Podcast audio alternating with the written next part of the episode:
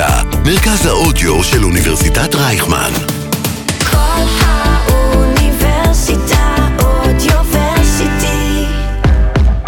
לא רק יח"צ. שיחות עם יועצי התקשורת והדוברים המובילים על האסטרטגיה שמאחורי המהלכים התקשורתיים. עם לירון בן יעקב. אהלן, ברוכות וברוכים הבאים לפודקאסט לא רק יח"צ, האסטרטגיה שמאחורי המהלכים התקשורתיים, שמשודר בכל האוניברסיטה, הרדיו של אוניברסיטת רייכמן. אני לירון בן יעקב, מרצה בבית הספר סמי עופר לתקשורת באוניברסיטת רייכמן, המרכז הבינתחומי, דוברת ומנהלת תקשורת. כל יועצת תקשורת מתחילה יודעת שבלי הניטור והמחקר, הכותרות בתאי העיתונות שהיא מקבלת מדי יום מחברת יפעת, יהיה לה מאוד קשה לבצע את העבודה.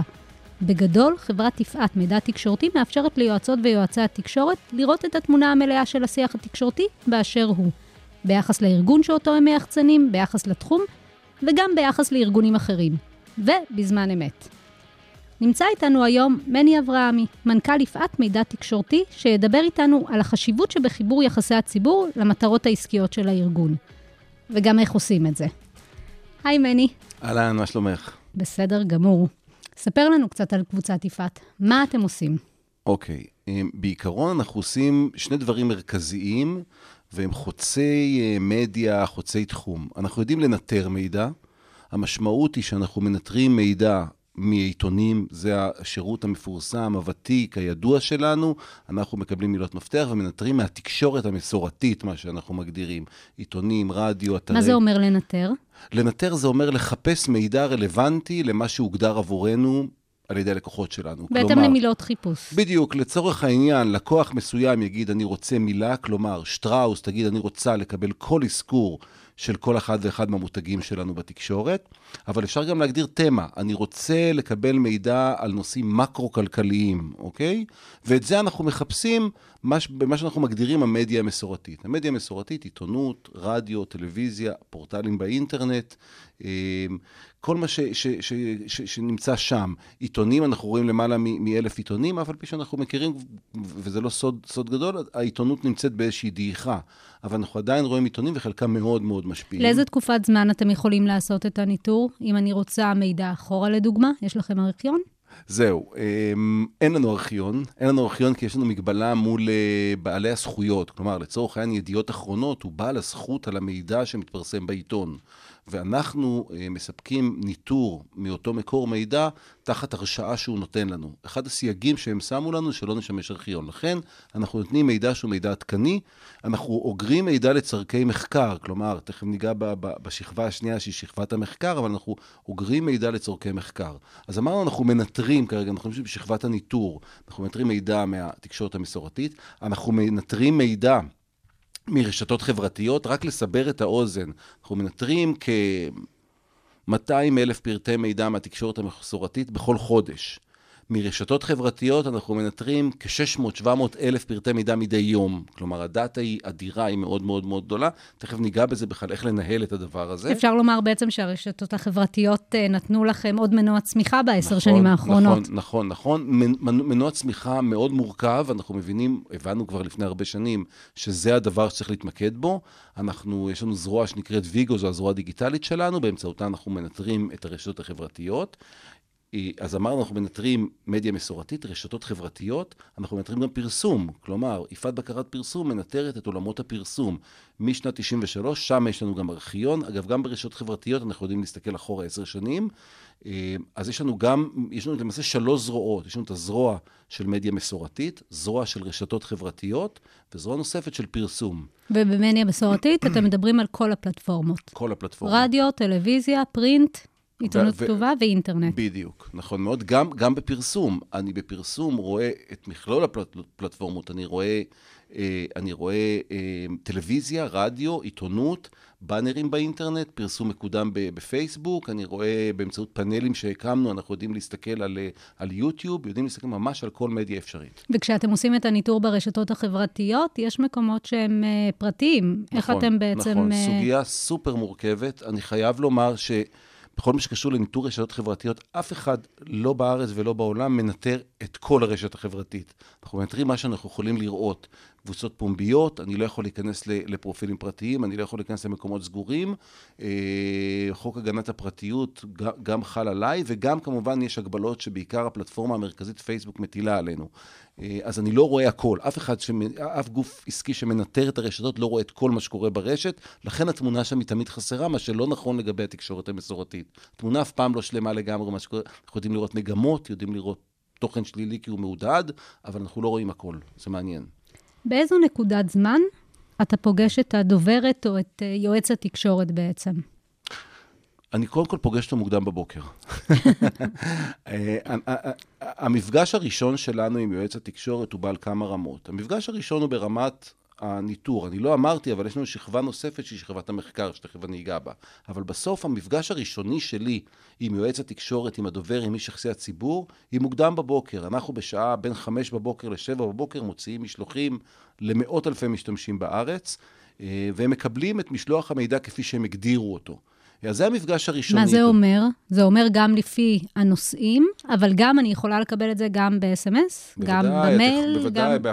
בצורה אפליקטיבית בטלפון, את יכולה לקבל ב, ב, ב, אה, במשלוח מייל, בפורטל אינטרנט, איך שאת מעדיפה. בסוף אנחנו יודעים לשנע את המידע בכל דרך שתהיה נוחה ללקוח שלנו.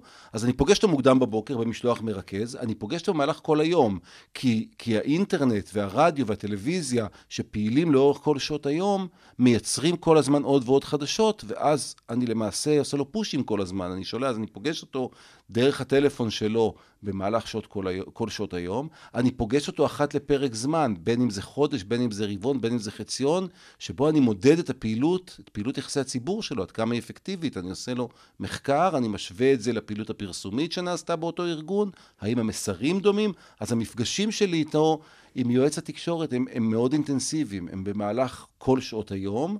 הם אחת לפרק זמן בהיבטים מחקריים, אני רואה אותו. באמת, בהיבטים מחקריים של שגרה. נכון, ו, ובאירועי משבר, ששם אה, תמיד אנחנו מתקשים לדבר עם הדובר באירוע משבר, כי הוא נורא עסוק, אבל בסוף אנחנו באירוע משבר מפעילים חמ"ל עבור ללקוח, שאומר, אנחנו מפעילים את כל המערכות, התקשוב שלנו, שהן תקשוב בזמן אמת, כדי לתת מענה בזמן אמת דרך הטלפון ללקוח, שהוא ידע מה קורה. אני יכול להגיד לך שלצה"ל נגיד, אנחנו מלווים אותם במשברים. משברים שיש לצה"ל משבר זה משבר לכולנו. כלומר, אם פורצת, פורץ איזשהו אירוע ביטחוני, או גופים כמו המשטרה או מד"א, אנחנו מלווים אותם ברמה שהיא רמה אה, מחקרית על בסיס יומי או על בסיס אה, דו-יומי, כלומר ממש גם ניטור, גם מחקר אונליין, כלומר לעשות איזשהו RTM, real time marketing, לראות איפה אתה אה, מצליח יותר, איפה אתה מצליח פחות, ממש בזמן אמת. אתם עושים, אתם בעצם מנטרים את הרשת, או מנטרים את הכותרות ה offline, מה שנקרא, Mm-hmm. ואתם שולחים עדכונים ללקוח, אם זה ב-SMS, אם זה ב- במייל. האם אתם מרימים טלפון ברמה שאתם רואים משהו שהוא חריג במיוחד? בוודאי, בוודאי, בוודאי. בכ- בכל אירועי המשבר, אנחנו למעשה מצמידים אנליסט ללקוח. מחקרי מדיה היא, היא הזרוע שבה אנחנו מבצעים את המחקרים. גם בשגרה ללקוח יש אנליסט שעובד איתו, וגם אם לא משבר גדול, הוא בדרך כלל בקשר רציף עם הלקוח, הוא אומר, תקשיב, ראיתי משהו כזה וכזה, תשים לב. מתפתח לך משהו כרגע ברשת, תעיף מבט. יותר מזה, השקנו ממש בזמן האחרון, בימים האחרונים אנחנו משיקים, as we speak, מה שנקרא, אפליקציית משברים, שבה הלקוח יכול לראות אם מתהווה לו משבר ברשת. כלומר, אם תוכן שהוא תוכן שלילי מתחיל לקבל engagement, הוא מסווג אצלנו כמשבר, הלקוח מקבל התראה והאנליסט עומד איתו בקשר, בוודאי. ואז בעצם לאורך כל זמן שהמשבר קורה, אתם שם, נכון. ובסוף אתם עושים איזושהי... נכון, איזשהו דוח שמרכז, כי בסוף, הסוף הוא תמיד נורא יפה, כי במהלך המשבר אתה, אתה מרוב עצים לא רואה את היער. אה, משברים בעיקר גדולים, אני לא מדבר על אתה משהו יכול לתת דוגמה?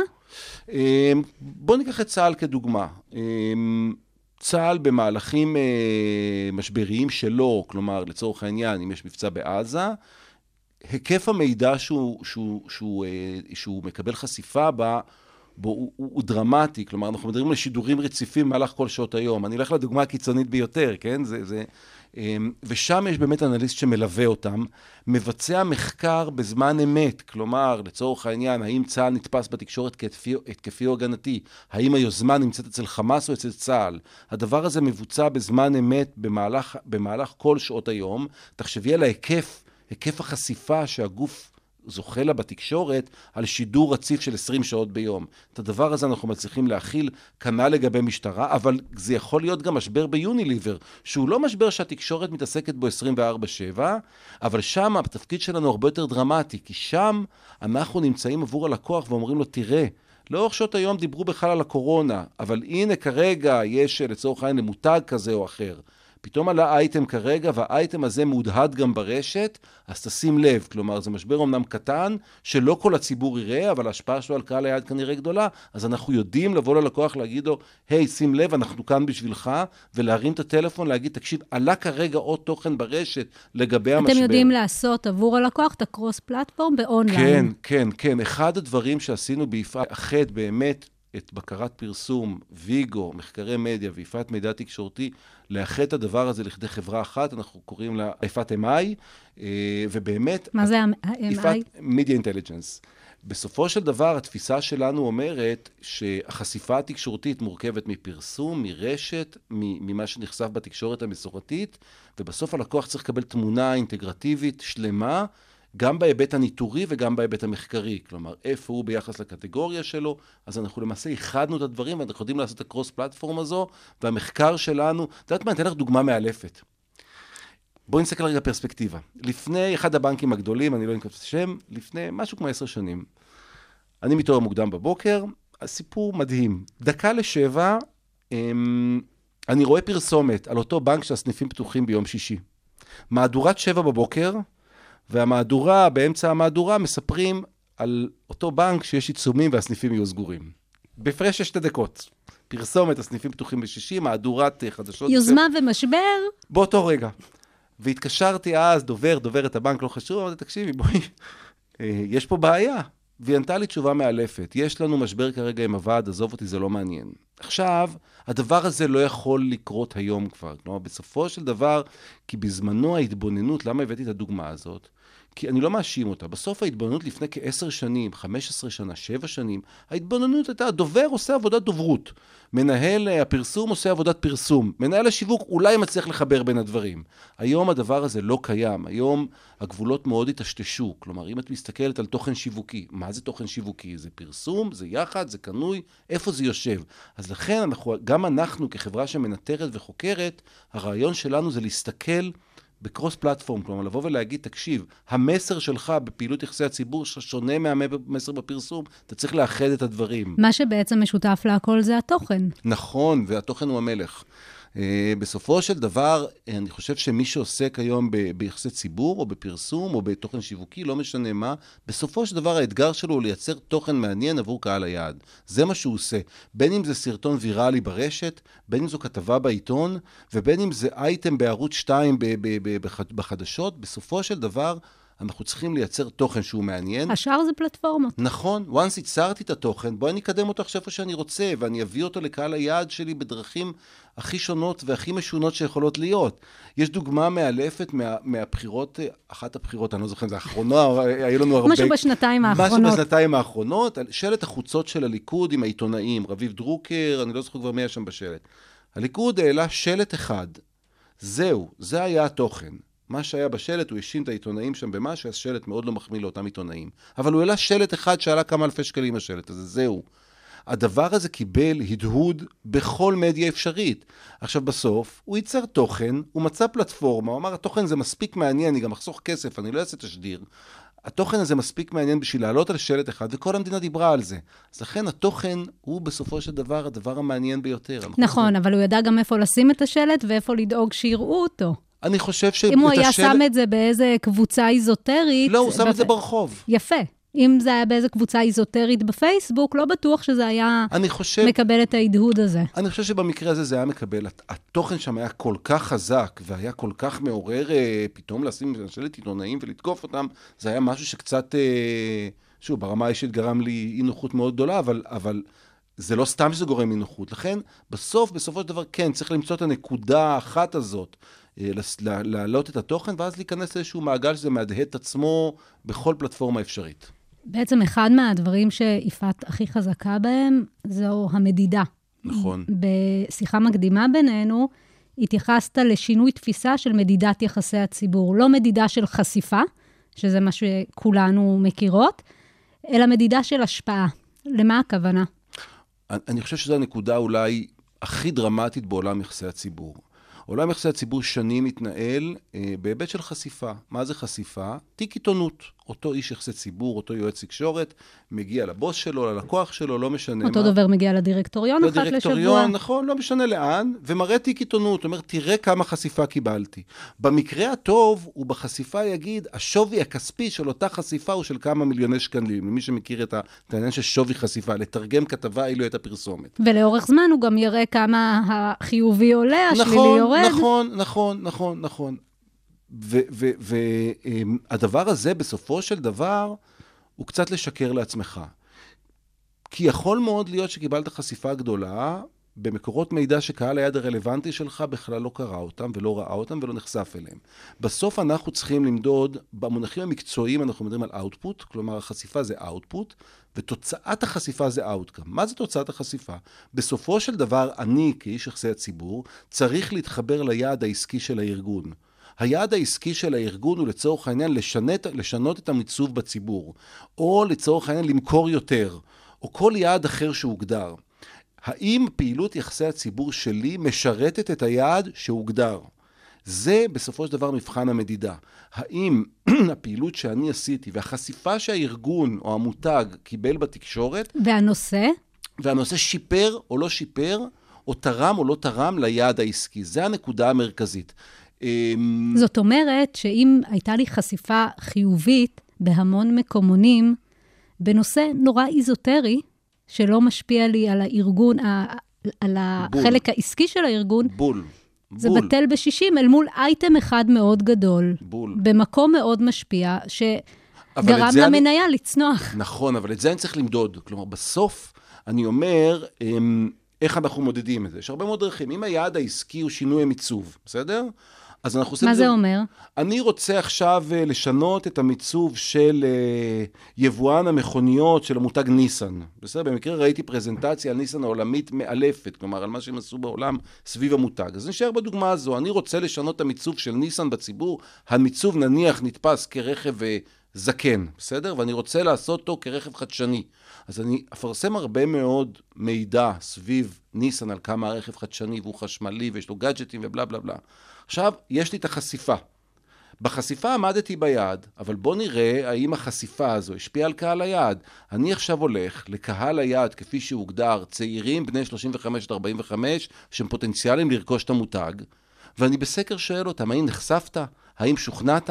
זה מאוד דומה לאפקטיביות פרסום. בתחום של פרסום יש לנו אפקטיביות פרסום, זה, זה יש איזשהו פאנל כזה ששואלים את הציבור, האם נחשפת, מבחני זכירות, הנאה לפעולה ורכישה בסופו של דבר, אני מקצר את זה, מאוד דומה. כלומר, בסוף, האם נחשפת לתוכן הזה?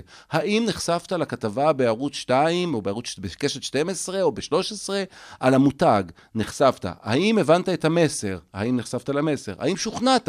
הנה לך, עמדתי או לא עמדתי ביעד. כלומר, החשיפה היא רק אמצעי להשפיע על קהל היעד. אבל בסוף אתה חוזר לביזנס, ואתה אומר, בחודש זה וזה עשינו את קמפיין יחסי הציבור, זה היה במקומות הרלוונטיים מול קהל היעד, ושואל את איש המכירות, האם יש... נכון, האם זה יתרגם בקופה? בוודאי. עוד פעם, אחד, יש עוד דרך שאנחנו מודדים, בעיקר קופות, אנחנו מחוברים למסדי נתונים של StoreNext. אז אני יודע להגיד, לצורך העניין, אם נקניקיות וינר עכשיו עשו קמפיין, אני יודע לראות אם זה מתרגם בקופה. עכשיו, יש אתגר שהוא אתגר מאוד גדול, בין אם זה נקניקיות וינר או בין אם זה ניסן. הרי אני לא חי בחלל סגור פעילות יחסי הציבור. יש פעילות יחסי ציבור לצד פרסום, לצד קידומי מכירות, מה השפיע על קהל היעד. אחד האתגרים שלקחנו לעצמנו, ותכף אני אתן דוגמה מאלפת על, על בנק קטן, בנק ירושלים, אחד האתגרים שלקחנו לעצמנו זה לבוא ולבחון מול קהל היעד מה משפיע יותר. האם הפרסום משפיע עליך? האם פעילות יחסי הציבור משפיעה עליך? האם הפעילות ברשת משפיעה עליך? ומה גיליתם? נחשפת? עשינו עבודה מאלפת, גם זכינו בתחרות בינלאומית במקום השני לבנק ירושלים. בבנק ירושלים אה, מתעסק הרבה מאוד במתן הלוואות, במכירת הלוואות. אה, ואנחנו מדדנו עבור, ומודדים עד היום, עבור הבנק, את מכלול הפעילויות השיווקיות שלו. כלומר, רשת, אה, שילוט חוצות, פרסום, פעילות ביחסי ציבור, את כל הפעילויות האלה, ואנחנו יודעים להגיד, כיוון שרוב הלידים מגיעים מהאינטרנט, אנחנו מקבלים את נתוני הלידים שלו, ואז אנחנו יודעים להגיד, תראה, עלית בשלט יחס... נכון, זה לא קשר של אחד, זה לא חד ערכי, אבל עלית בשלט, בשילוט חוצות עם פרזנטור חדש, פתאום יש עלייה ב- בלידים, הורדת, יש ירידה. כלומר, אנחנו יודעים לבוא ולנסות, לבוא להגיד ללקוח, תקשיב, פעילות יחסי הציבור שלך תורמת יותר כרגע מפעילות הפרסום. עכשיו תחשבי כמה כסף זה שייך- שווה ללקוח. בזמן נתון בזמן ועבור אמת. מהלך מאוד בזמן מסוים. אמת, בזמן אמת. בסוף, כמה פעילות הפרסומית, אם אני אומר לך שפעילות הרשת שלך תורמת יותר מהפרסום המסורתי, בהכרח הפרסום המסורתי- המסורתי שווה, עולה הרבה יותר כסף. אם אני אומר לך דבר כזה, תורידי רגע את הרגל מהגז, תחסכי כסף. אבל כלומר, בוא נחזור רגע ליחסי הציבור. כן.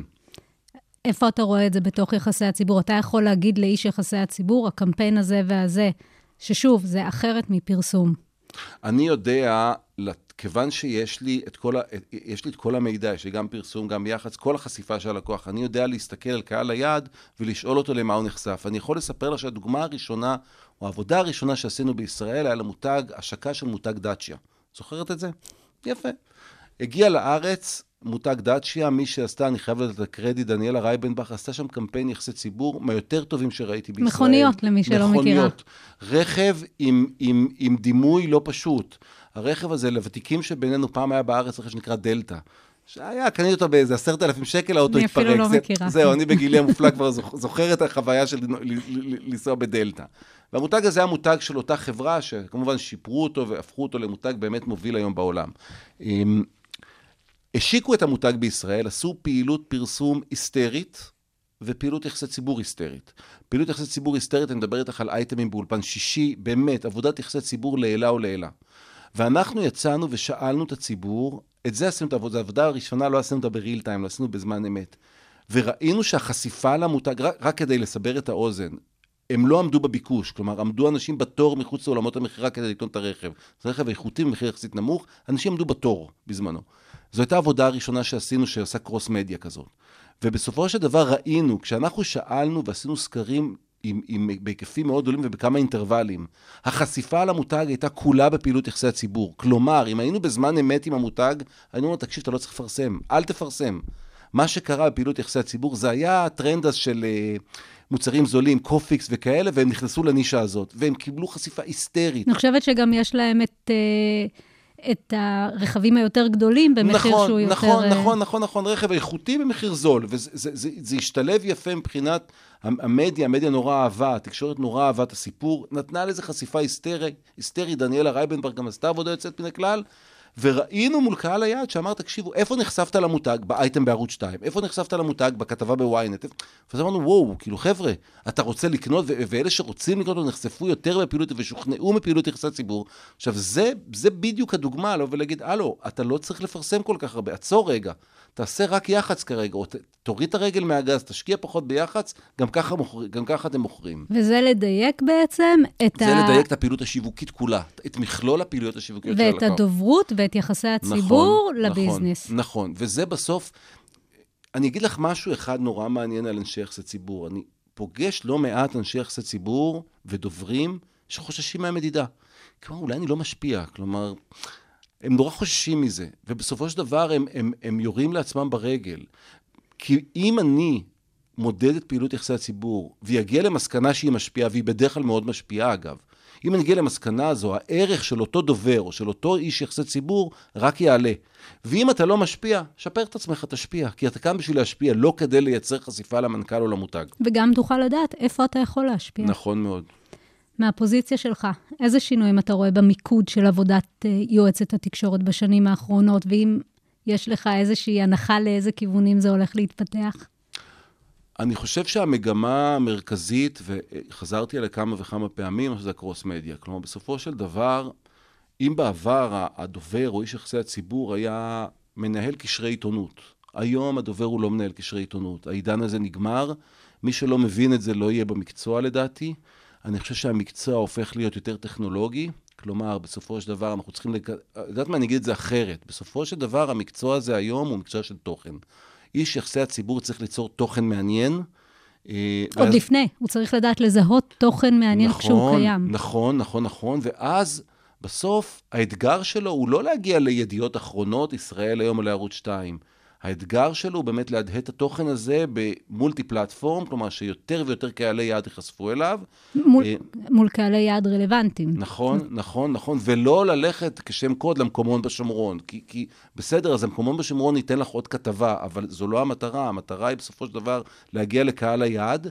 היום הרבה יותר קל, למה אני אומר טכנולוגי? בסופו של דבר הרבה יותר קל לזהות את קהלי היעד. אני יודע היום ברשת לצבוע את קהלי היעד ולהגיע אליו, אז אני אחר כך יכול לקדם דרך טאבולה, אאוטברן ועוד כל מיני כלים, לקדם את התוכן, את אותו אייטם קטן ש, ש, שראה מקור, ראה אור בוואלה או בוויינט או בכל אתר אינטרנט אחר, אני אחר כך יכול לקדם אותו. אה, אז אני חושב שבסופו של דבר, יותר מזה, יודעת מה, אני, בוא ניגע רגע בתוכן שיווקי. איפה הדבר הזה יושב? תחת איש יחסי הציבור, תחת איש הפרסום, מעורב פה כסף כבר, איש יחסי הציבור מעולם לא התעסק עם כסף, הוא מעולם לא קנה, לא קנה מיקום בכסף, היום הוא צריך להתעסק גם בדבר הזה. אני חושב שהעולם של אנשי יחסי הציבור, עם האתגרים שקיימים היום ברשתות חברתיות, עם האתגרים של צביעת קהלי יעד, הוא אתגר אחר לגמרי מקשרי קשרי עיתונות, ומי שלא יתעדכן וילך למקומות האלה של לזהות קהלי יעד, אה, להבין טכנולוגיה, אה, להבין איך לקדם תוכן ברשת, אה, להבין איך, איך, איך, איך להדהד תוכן ברשתות חברתיות, מי שלא יבין את הדבר הזה, אה, לא יהיה בענף, ואני יכול להגיד לך שאני רואה לא מעט משרדי יחסי ציבור שמעסיקים סטודיואים, שמתעסקים לא רק ביחסי ציבור, שמתעסקים בקידום ברשת, עושים הרבה מאוד דברים. אני חושב שהמקצוע הזה עובר שינוי שהוא שינוי מרתק בעיניי, והוא הולך להיות אחד, בעיניי, אחד המקצועות היותר מעניינים וחשובים בתוך תמהיל השיווק, מה שלא היה בעבר. בעבר הוא היה בין הלא מוצלח של עולם השיווק. אני חושב שהיום, או בשנים האחרונות, הוא הופך להיות הבן החשוב והחזק של, של, של הפעילות השיווקית של הארגון. אני מסכימה איתך.